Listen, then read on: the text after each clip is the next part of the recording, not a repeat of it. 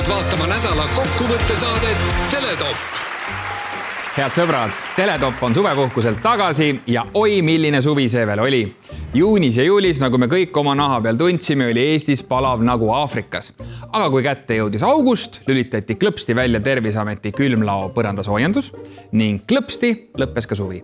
ja nii me siin nüüd istume külmas ja pimedas. aga tegelikult tehti loomulikult õigesti, sest et elektri hind on tõusnud kohati lausa neljakordseks ning see on ka põhjus, miks me teeme alates tänasest kõiki Teletopi saateid küünlavalgel null kulu, ainult küünlad ja tikud.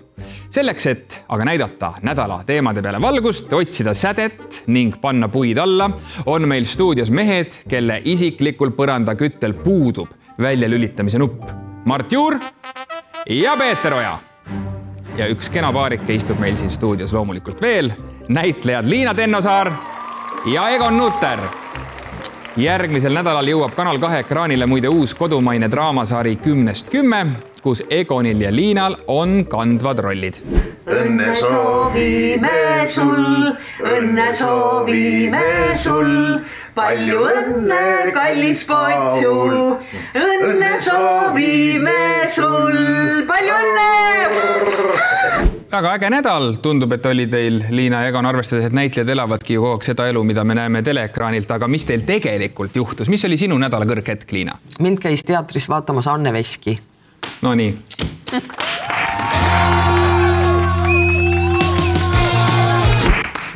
palun väga lõpuks ja, ometi juhtus. ja meil on selline hästi äh, kammerlik äh, tükk, saali mahub kuni viiskümmend inimest. Äh, ja ma näiteks võimlesin koos Anne Veskiga eile mm.. Egon, mis oli sinu nädala kõrghetk? minul õnnestus transporteeruda kuidagi keskkooli aegadesse tagasi meil oli üks väikene lühikene reis Prahasse ja seal, seal valmistati selliseid suveniire, et sind paigutati nagu T3 pillina nagu sinna niisuguse klaaskuubiku sisse jah, ruumiline, ma ei tea, kumb ta on, T3, noh. 3D. ja see poes oli jube efektne, aga siis, kui kodus hakkasid vaatama, siis oli selge, et sinna taha on vaja mingisugust valgustausta luua. ja ma läksin siis Nooretehniku poodi ja sain sealt ühe leedi ja siis ma noh, tänu sellele müüjale, kes, kes muidugi aitas kaubelda, ma sain sellega hakkama. Ja ma tundsin ennast täpselt nii, nagu ma oleksin tagasi keskkoolis umbes viieteist, kuueteistaastasena ja, ja ma olen, olen uuesti seal elektroonikaklassis seal kahekümne esimeses keskkoolis. ja ma olen noor ja, ja minus on säilinud noh, noh ka minu vanainimese tarkus ei ole samas ajal, samal ajal nagu ära kadunud, eks ju. et ja kogu see elutaak, nii et, et ma tundsin ennast siis täiuslikuna ja jah, kunagi sai seal, sai seal ju sageli käidud, sellepärast et seal müüdi vajalikke juppe ja traate ja seal oli ka selline seadeldis müügil, millega sai telefone pealt kuulata tõsi või mm? -hmm. enam ei ole, enam ei ole? ei, ma pole ammu käinud juurde, ma arvan, et praegu on ka. vahest oleks nii vaja. et teada saada. kuulata pealt, et teada saada, just, just. kelle telefoni sa tahad, Peeter, pealt kuulata? mul on ükskõik, peaasi, et saaks kuulata vahest on üksi igav olla, siis kuulad kedagi pealt, inimesed räägivad ju tavaliselt jaburusi ja see on naljakas. ja ma tean, ma olen näiteks Peetri telefoni korduvalt pealt kuulanud ja see on hästi jabur jutt, mis sealt tuleb. eriti kui ta helistab mulle no nii, no nii. Peeter, kuidas sinu nädal läks? oi, väga huvitav. ma tegelesin programmeerimisega. millega?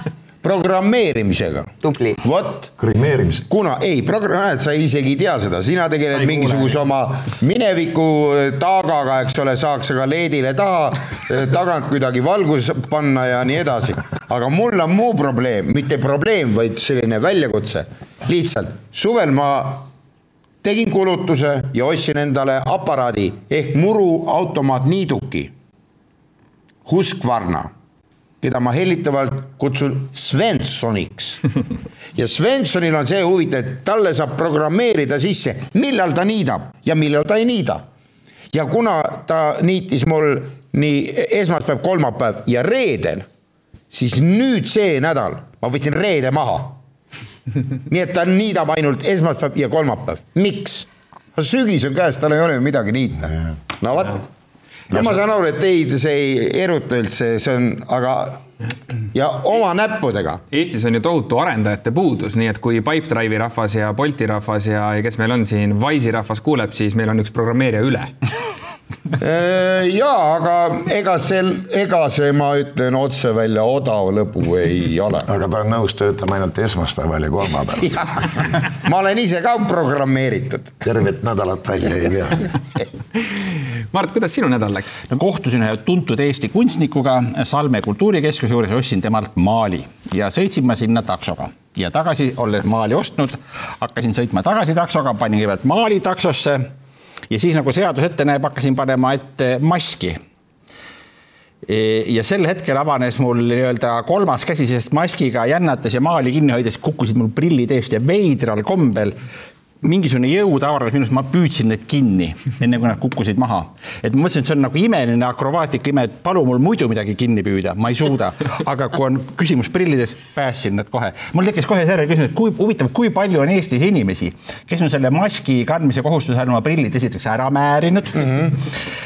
seda, et nad lähevad uduseks, teavad niikuinii kõik, aga prillikandjad saavad aru, kui kohutavalt ebamugav on see, kui prillid ka lihtsalt määrduvad ja määrduvad nad prilli üle prillide maski toppides mäkerda, mäkerduvad need niikuinii ja teiseks, kui palju prille on selle raames ära lõhutud mm, -hmm. näiteks tänavale või tänaval bussi või trammi sisenedes ja kas valitsus kuidagi selle kompenseerib ma tahaks teada, Kaja Kallas, kas, kas, kas teie valitsus on võimeline seda kahju kompenseerima, sest kui oleks prillid katki läinud, ma poleks siia saatesse näinud tulla see ei ole odav lõbu. ja ma muidugi näitan televaatajatele ka seda, kuidas maski kandmise kohustus saab tegelikult täita nii, et hundid on söönud ja lambad terved, et ei pane seda mitte suu ette, vaid te panete pähe.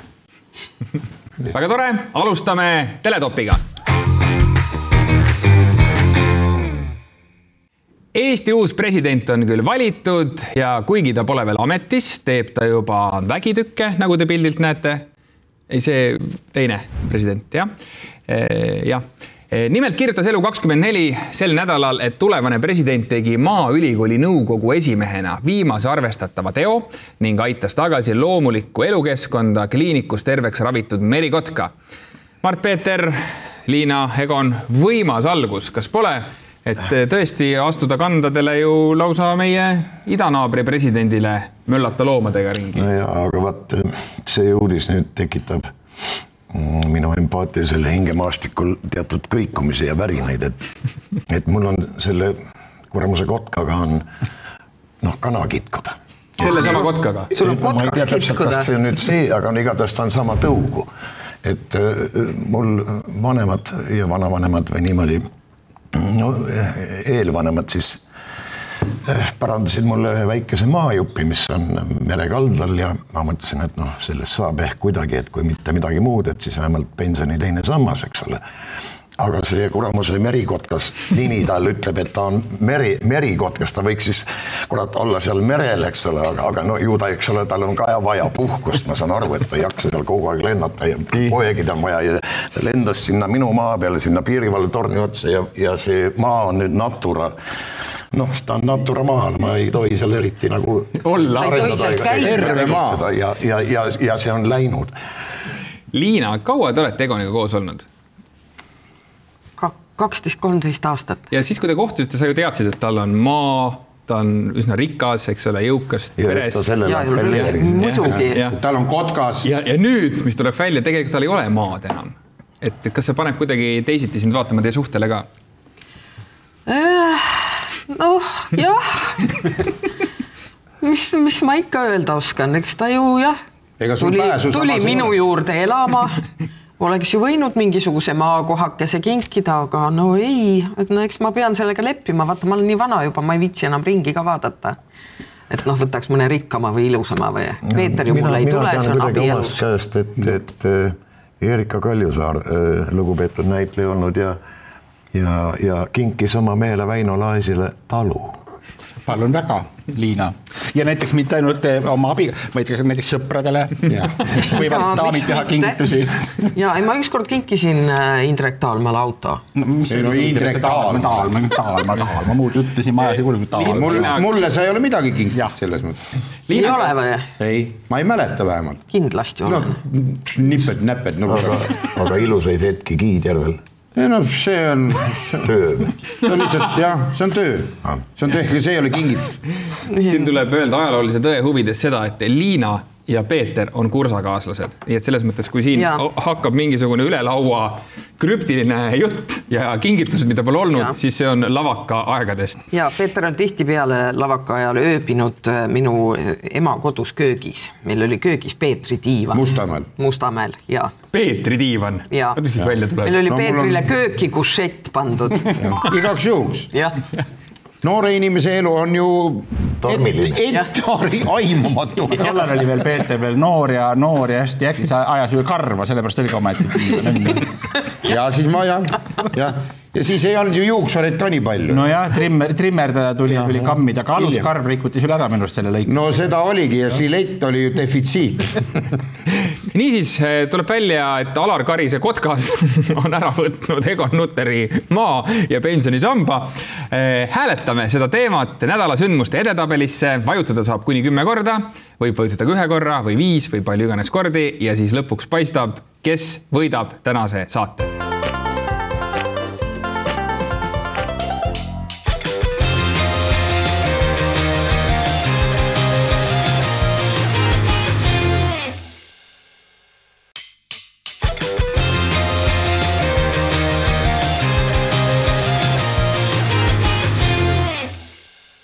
esmaspäeval pidas president Kersti Kaljulaid oma ametiaja viimase kõne Riigikogu ees, aga EKRE liikmed ei soovinud seda kuulata. ma palun Riigikogu kõnetooli Eesti Vabariigi presidendi Kersti Kaljulaidi, palun presidendi kõne ajaks lahkusid saalist kõik EKRE poliitikud, ainult nende auesimees Arnold Rüütel jäi pressirõdul oma kohale nii, aga mis juttu rääkis president parlamendile siis, kui EKRE oli saalist välja jalutanud? president pidas vajalikuks kõnelda ka Riigikogu liikmete palgast, mis pole tema hinnangul paljudele motiveeriv. kunagi ammu oli meil justkui laiapõhjaline kokkulepe, et neli keskmist on piisav, praeguseks on alla kolme.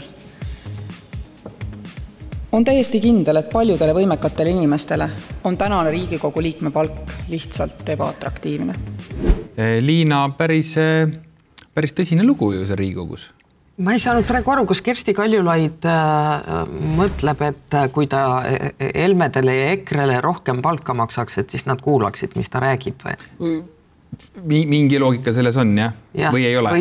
ma, ma ei tea, noh, ma selle eest küll kodus olemise eest palka ei saa, aga ma ei tea, mina kõnnin küll alati köögist välja, kui Helmed Tree raadiost rääkima hakkavad. ei ta pan- mõtlema paneb muidugi, et et no ütleme hea küll, see riigikogulase palk, et neli tuhat kolmsada pluss veel sa saad kuluhüvitisi, eks ole. et, et ega ma kade ei ole, et, et mina teenin ka noh, neli-viis tuhat eurot ikka teenin, aga mul võtab see lihtsalt neli-viis kuud aega, eks ole. et noh, järelikult see see on, see on tegelikult nagu minu süü, et see keskmine nii väike on, ta ei ole päris noh, päris null, aga noh, ta on seal selle üks tuhat, mis, mis see keskmine on praegu seal lähedal. Egon, see on väga hea, et sa selle tule enda peale võtad praegu. Jah, see on tõesti sinu süü. ja on jah. Ma olen, ma olen sama meelt äh, Kersti Kaljulaidiga, et tõesti võiks suurendada ja see võiks, ta võiks isegi selline lotonipp olla. et äh, on teatud summad, eks ole, ja loositakse välja, et noh, mõni kuu sa võid saada kolm tonni, aga teinekord võid saada kaheksa näiteks noh, see tõstab pinget. nagu. jah, see on nagu lotovõit see on. nagu börsihind elektril no selle võiks absoluutselt. iga päev välja loosida, siis käiks ju need äh, saadikud kohal ka kõik, kui iga päev loositakse kõrge Ainult osalejate vahel, ja kes seal, kohal ja on siis, ainult neil, kes kohal on. ja siis vaata, siin on veel selline asi, et, et kuigi sa tead, kes seal Ri- Riigikogus on, need Mina sada üks liiget, aga ei no ikka ena, enamust, aga ikka lipsab läbi inimene, sa vaatad, kas tõesti see inimene on Riigikogus, see nimi ei ütle sulle, ei ole öelnud, ei ütle praegu, noh, ta on kuidagi sattunud teleekraanile, nimi on all kõik. Näiteks mingisugune Toivo Vündik. aga vaata, kui on selline lotovärk, eks ole, et iga päev väga õige, iga päev loositakse eh, palka välja, siis äkki sa saad teada, et, et Toivo Vündik võidab juba kolmandat päeva viissada eurot. Saad aru? ja sulle jääb meelde, eks ole, ta kõnepulti ta ei jõua kunagi, aga Lotos tal, ta on kibe käsi, tead. aga tead, see palk võikski olla päevapõhine. päevapõhine, noh. päeva lõpus sa saad kätte selle. jah, aga võib-olla nii, et sa ei saa mitte tuhkagi. sa võib palju, ütleme Jür-, Jür-, Jürgen Ligi seal valmistab ette igasuguseid eelnõusid ja peab kõnesid, tutkid prat lihtsalt õnn, õnn ei naerata, aga Toivo Võndik tuleb, teda keegi ei tunne, tuleb kohvikust, võtab käega, oo viissada sotti jälle, kolmas päev järjest. no vot, aga mis esimesse ossa puutub, et, et EKRE no ma ei tea, siin tehti väga minu meelest natuke liiga EKRE-l, äkki nad läksid ekskursioonile? Saad aru? ei, eks ekskursioonile, tihti on niimoodi, et eh, ju teeb fraktsioon teeb niimoodi väljasõit loodusesse. tead, Peetri jutus võib tegelikult iva sees olla küll, sest et minu arust on praktika näidanud, et Riigikogu hoone võib olla tegelikult surmalõks ja väga ohtlik. Ja alles oli ju juhtum, kus äh, Marko Jah. Mihkelson läks tualetti üksinda, ma toonitan kuigi talle pakuti fraktsioonist tuge. tuge, aga ta läks üksinda ja jäi sinna kinni, veetis mitu tundi ja kui poleks olnud tal mobiiltelefoni, oleks võib-olla saja aasta pärast leitud sellest varjulisest tualetist Marko Mihkelsoni skelett. kusjuures kõik oleks imestanud, kus rahvasaadik Mihkelson Kus ta on, miks tema kuluhüvitised on välja võtmata? Aga ses mõttes EKRE on sellest juhtumist teinud õppetunnid ja kui minnakse tualetti, siis ikka kõik koos korraga, aga Arnold Rüütel ei tulnud sellepärast kaasa, et tal ei olnud vaja minna. me leidsime süüdlase, kelle tõttu on Riigikogu palk liiga madal. Egon Nutter, osaliselt ka Liina Tennosaar hääletame seda teemat. Kolmapäeval ilmus ajalehes Sakala artikkel Viljandi otsib jõulupuud. suurepärane teada, et Viljandis on juba jõulud käimas. Egon, mina kuulsin mõni aeg tagasi, kust mujalt ikka kui televisioonist vist, et et Narva linn on ka väga õnnelik, kui ta saab jõuluks ükskord ometi korraliku kuuse, et, et neil on olnud siiamaani niisugused kõverikud või ma ei tea kuidagi, et tahaks ühte sirget kuuske saada, eks ole. et, et kui mõlemal linnal on sama probleem, et nad otsivad kuuske, et siis, siis võiks ju Viljandi saata Narva kuuse, eks ole, ja narvakad siis saadavad oma kuuse nagu Viljandisse, et tekiks nagu selline sõprus, sõpruslinn nii-öelda. Viljandi sõpruslinn on Narva ja Narva sõpruslinn on siis Viljandi. ja nende tegelikult ühine element on ju see, et, et Jaak Joala on nii Narvas kui Ja. ka Viljandis sündinud. just, ja just, ja, ja ja, ja, ja vaata, aga tegelikult siin võib ka niimoodi teha, et, et kui Narva ja Viljandi jagaks ühte puud, ühte puud. Ja mis selleks on vaja, lihtsalt pikuti lõig-, lõigata puu pooleks, et see teadmine, et üks pool on Viljandis ja teine pool on Narvas. Lähendab. ja kui nad, kui nad kokku panna kuskil Alutagusel saaksid kokku, siis oleks selline sümbioos tekiks. Saad aru, seal oleks, seal oleks ka, see oleks rahvuseülene rahvuseülene, See oleks, seal, seal peegelduks nii Viljandi paadimees kui hävinenud Narva vanalinn.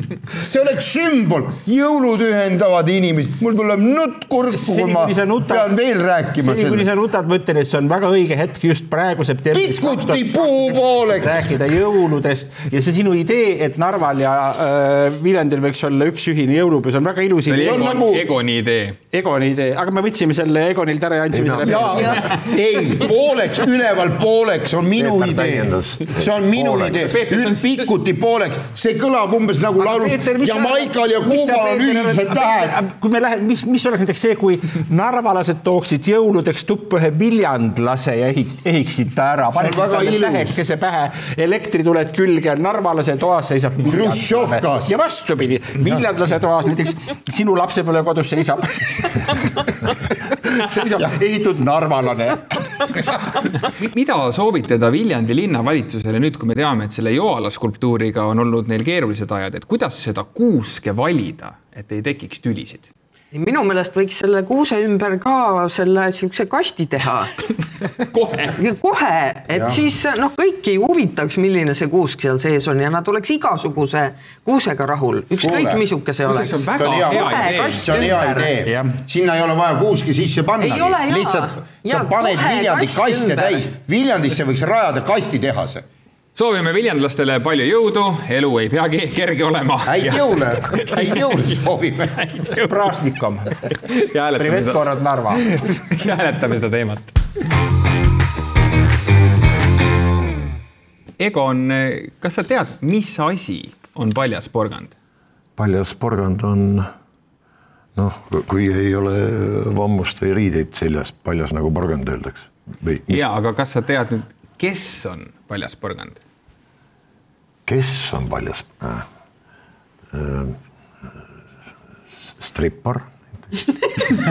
Marko, strippar Marko Marko. on Egon, kas sa oled kuulnud sellisest suunamudijast nagu paljas porgand? Vabandust, millest? vot sa küsid, kes on suunamudija? ühesõnaga, paljas porgand muutis oma nime ja pühib kodumaa tolmujalgadelt. kahju. Egon, oota, kas tegemist on mingi isikuga või? tegemist on isikuga, kes kolib Tenerifele ning tema nimi on nüüd Kassia Shakti Shamotailo.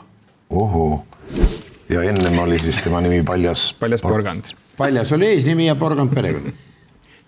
vot ma ei ole kunagi kuulnudki niisugusest no inimesest. tal isa nimi oli Vello Porgand, ema oli Maie Porgand ja siis sündis, sündis poeg ja pandi nimeks Paljas Porgand. üks poeg. Kas ta, ta on ju.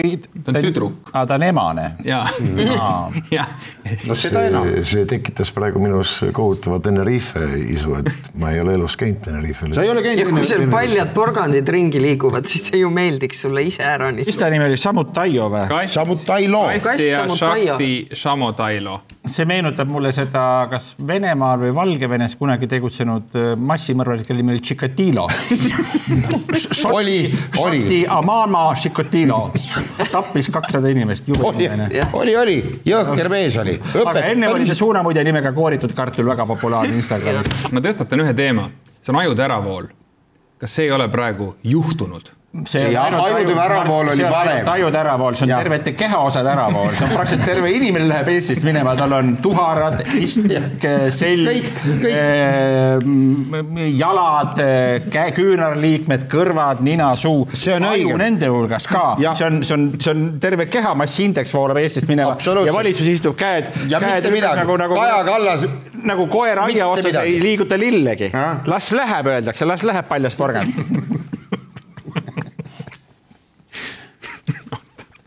Eestist voolavad ära ajud ja terved kehad, olukord on kriitiline, hääletame seda teemat.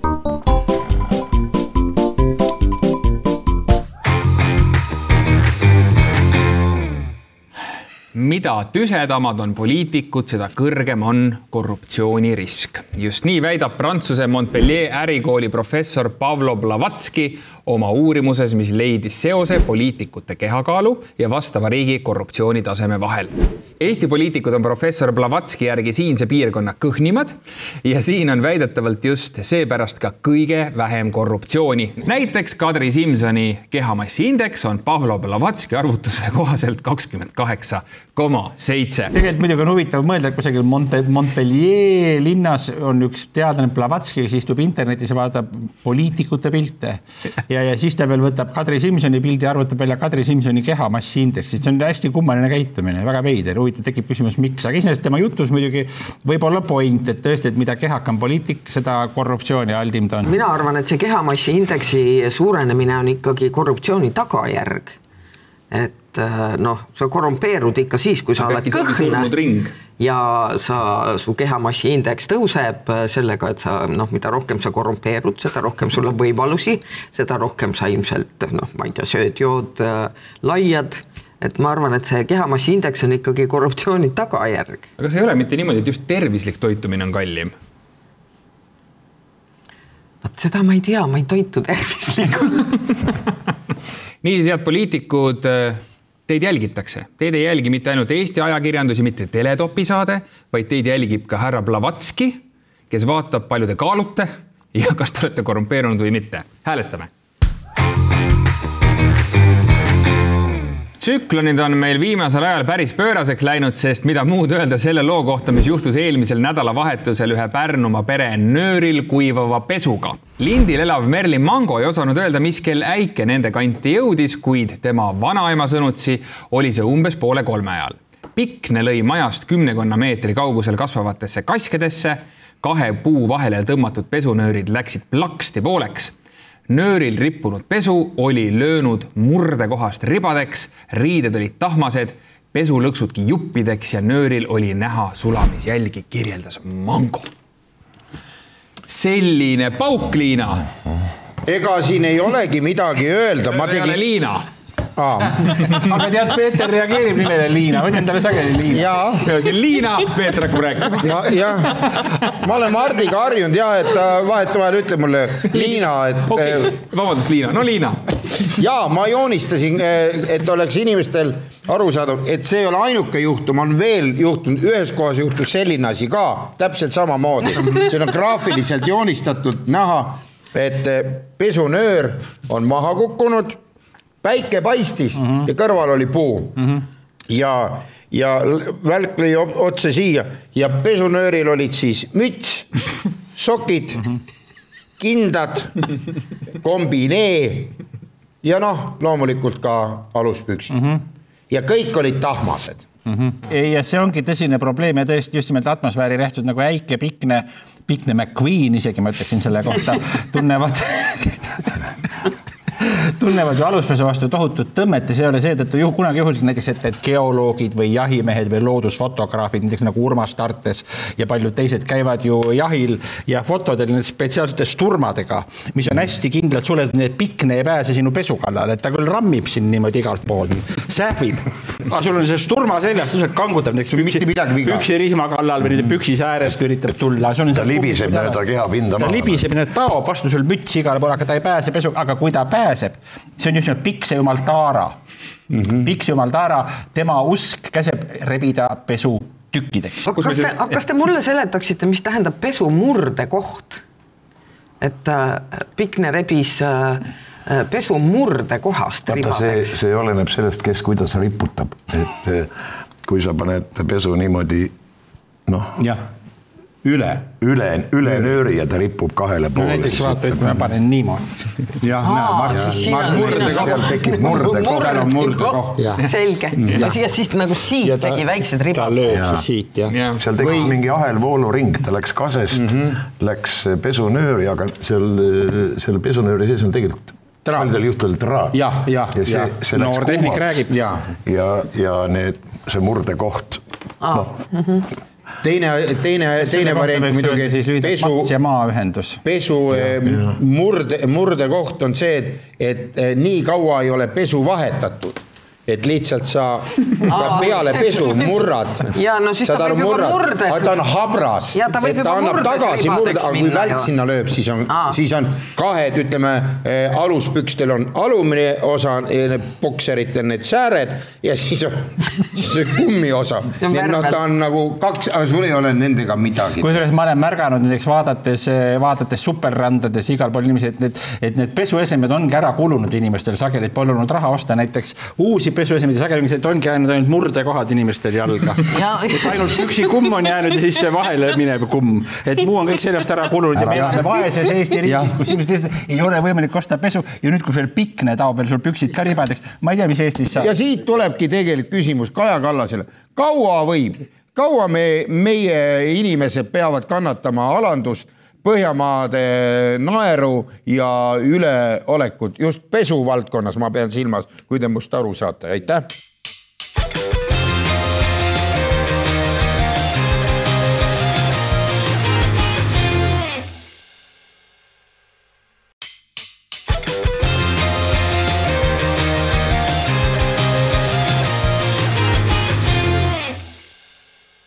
Tere õhtust, te vaatate saadet Teletopp ja nädala sündmused võtavad kokku loomulikult Mart Juur, Peeter Oja ja meie tänased külalised Liina Tennosaar ja Egon Nutter.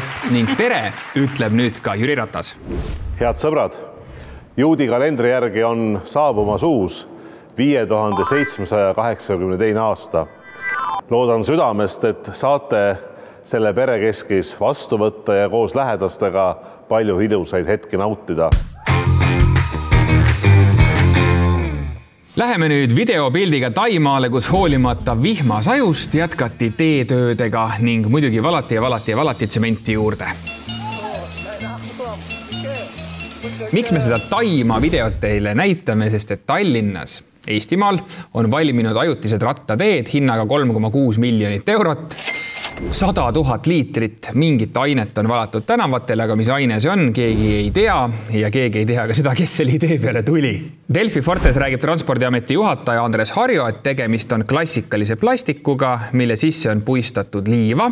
abilinnapea Andrei Novikov ütleb aga ajalehes Pealinn, et märgistussegu koosneb erinevatest orgaanilistest ja mineraalsetest osistest selleks, et aru saada, mis nüüd siin Tallinnas ikkagi maas on, sest see mureneb, nagu me näeme härrased ja prouased, võtame laua alt, meil on kõigil siin väikene, väikene tükk nagu, meil on väikene anum seda segu uh. Mhm. -huh. et eh, kas see on nüüd plast teie meelest? või on orgaanika? või on orgaanik, jah. ta peab sööma või? ei, ei, miks? lusikas on antud. sa sööd, Peeter, seda või? jaa, ei no see on orgaaniline, ma arvan, et mingi, ma võin pea anda, et vähemalt homme homm, hommi, hommikuks ta on kadunud minu organismist. Peeter Oja sööb Tallinna teekatet. no põhimõtteliselt küll, see on täitsa. kas sa elad homme? täitsa, ei, proovi, see on okei. Peeter, surm siin või ta on, ütleme selline suhteliselt maitsetu. magus. natuke magusapoolne. minu arust on ta ikka kaltsiumkarbonaat. aga ta on tõesti pehme.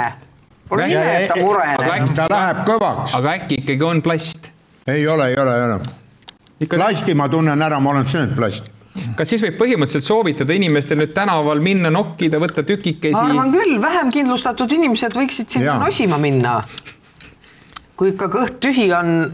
ma kardan, et ainult Toidupank jääb jänni omadega, kui inimesed hakkavad sööma orgaanilist äh, sillutist. teekatet Mm. aga punane on ju tegelikult niisugune noh, ongi selline ohumärk, kui need teed ilmusid, siis mina mõtlesin, et see on nagu selline ala, kuhu mitte keegi mitte mingil juhul minna ei tohi.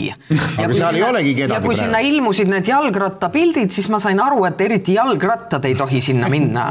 et noh, punane on ju keelatud. jaa aga tegelikult aga... siis tuleb välja teistpidi, jah? et no millegipärast on see teistpidi, minu loogika jaoks on see, see riba, kuhu mitte keegi mitte kunagi astuda ei tohi, ei jalaga, ei rattaga, noh, seal on veel märk, et eriti rattaga ei tohi sinna minna.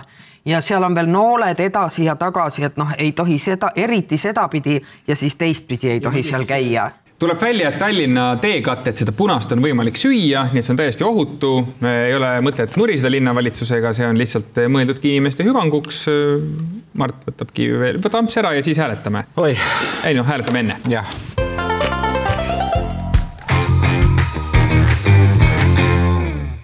lõppev nädal oli väga tihe ka politseile ja Päästeametile. siin nädala kõige olulisemad politsei ja Päästeameti uudised politsei menetleb puurvasara tünga. päästjad kutsuti udu kustutama. viinata jäänud mees pildus müüjat pähklitega.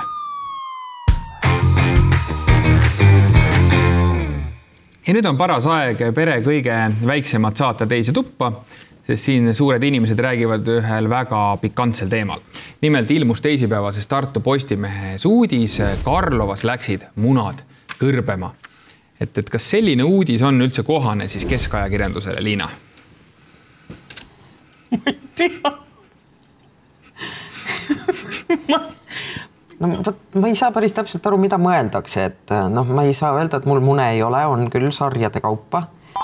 aga ma ei kärsata neid kuidagi mõistlik. jah. Peeter, sul on munad? veel ja loed sellist uudist ja tunned mida?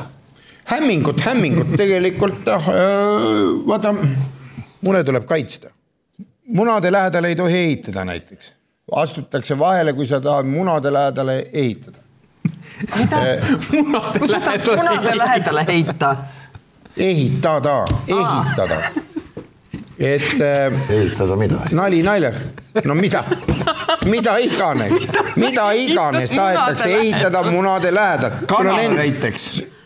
kanala näiteks. kana, maja, kus elavad kanad.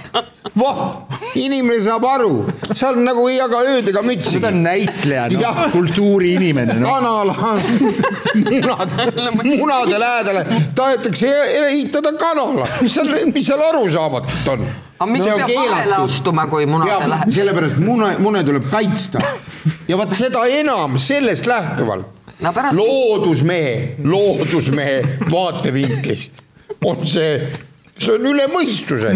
munad lastakse selle asemel neid kaitsta, lastakse kõrva ja kus Karlovas millises linnaosas, väärt linnaosas Tartus, see on huvitav arhitektuur. aga kes vastutab siis, kes What? peab võtma vastutuse? tahtsingi jõuda sellele. Siit küsimus Tartu Postimehe peatoimetajale, kes vastutab sellist, selliste asjade eest? Teie olete selle uudise esile toonud, meie käsitlesime, hea küll, põgusalt, aga ikkagi käsitlesime. Ja nüüd me tahame, põrgatame palli tagasi.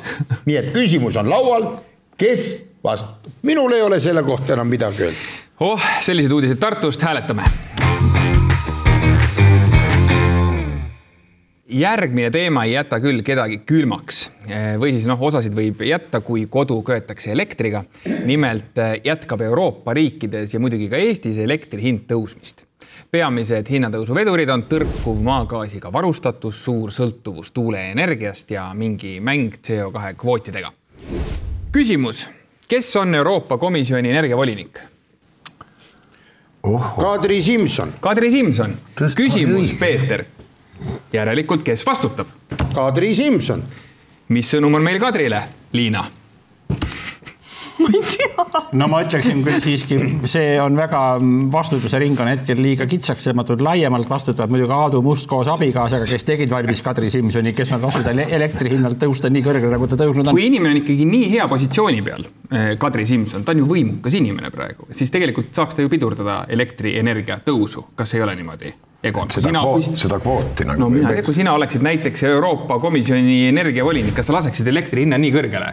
vaata palun otse kaamerasse ja ütle. vot ma ei laseks. no näete. ma ei laseks. näete, et Kadri inimene ei laseks. Liina, kas sina laseksid?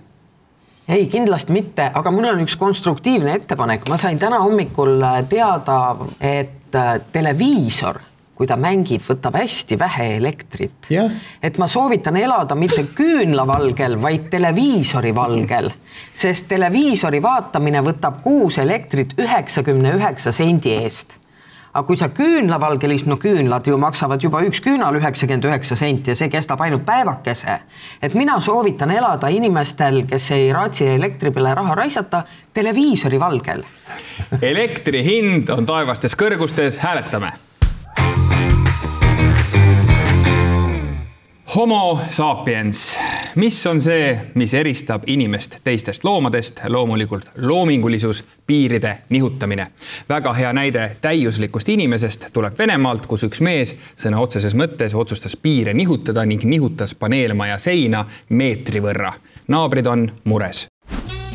Панельный дом, девятиэтажка, стена три с лишним метра в длину, 2,50 в высоту, Вот, кухня была 7 квадратов, я из нее сделал 9 квадратов. Вот эту стену я подвинул один за полтора часа. До этого подготовительные работы были еще часа два, может три. В общем, за полдня эта стена теперь у меня стала в другом месте. Так что, пацаны, кто хочет делать, ни хрена тут страшного нету. Сделал абсолютно один. Inimene on uhke, Peeter äkki ta tahaks edasi arendada, see maja asukoht mulle ei meeldi. Sihuke üheksakordne, läheb välja ja lükkab niimoodi, vot niimoodi. Ja siia teen nurka, nüüd on üheksakümmend senti ruum, liivakast. Mida see juhtum meile praegu? Ütleb, ütleb midagi väga praktilist. et tean, et õudne puselemine käib selle ümber, kas teha ja mismoodi ja kas üldse teha Estonia teatrile juurdeehitust tuleks kutsuda see vene mees, lasta ööseks Estonia teatrisse ja. ja kahe tunniga on Estonia teatri juurdeehitus valmis. jah, jah. kusjuures, kui ta lükkaks Draamateatri vastu Estonia teatrit siis olekski ju seal kõik saalide kompleks juba olemas. suur kobarteater. et hommikul tulevad muinsuskaitsjad ja muud asjapulgad tulevad tööle, aga tegu on juba tehtud, etendus käib, Traviatat mängitakse. me peaksime tegelikult uurima seda, kes see mees on, meil on hädasti teda vaja, hädasti. See on hea teada, et ta ei ela ka üldse kaugel, ehk siinsamas Venemaal hääletame seda teemat, et lükati seina, aga mine sa tea, mida kõike veel lükatakse ja selle nädala sündmuste edetabel on meie ees kõige tähtsamad kümme sündmust reastatult ja vene härrasmees liigub teisele kohale ning esimesel kohal nojah, Karlova kõrbenud munad. Ja alates nüüd sellest sügisest on meil siin ka oh, selline uuendus, et eh, auhind läheb alati esimesele teemale, auhind tuleb karbi seest ja meil ei ole aimugi, mis siin sees on, iga saade midagi uut. Ja vaatame mis on selle nädala auhind? ahah, selle nädala auhind on oh,. väga hea. pikendus. see on väga hea Karlovale, aga kellele see läheb konkreetselt, kas Tartu Postimehele? no kuna sa heitsid kivi Tartu Postimehe kapsaaeda, et eh, küsimus on õhku paisatud, siis tegelikult tõesti, mida sa küll küsisid, Peeter, nende käest, kes vastutab? vastutab siiski, ma arvan, Karlova linnaosa vanem, Karlova linnaosavanem, kas ta on eraldi olemas seal selline struktuuriüksus? kui seal on linnaosa, Tallinnas on ju linnaosade vanemad.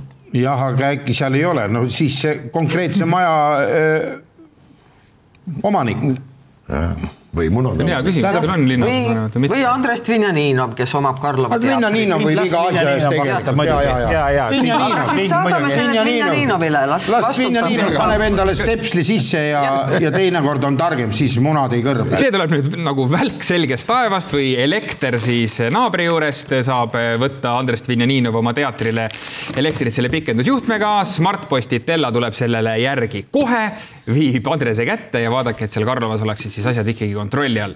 aitäh, Liina Tennassaar. aitäh, Egon Nutter. ja loomulikult aplaus kasvab, siin on Mart Juur ja Peeter Oja. kohtume juba uuel nädalal, hurraa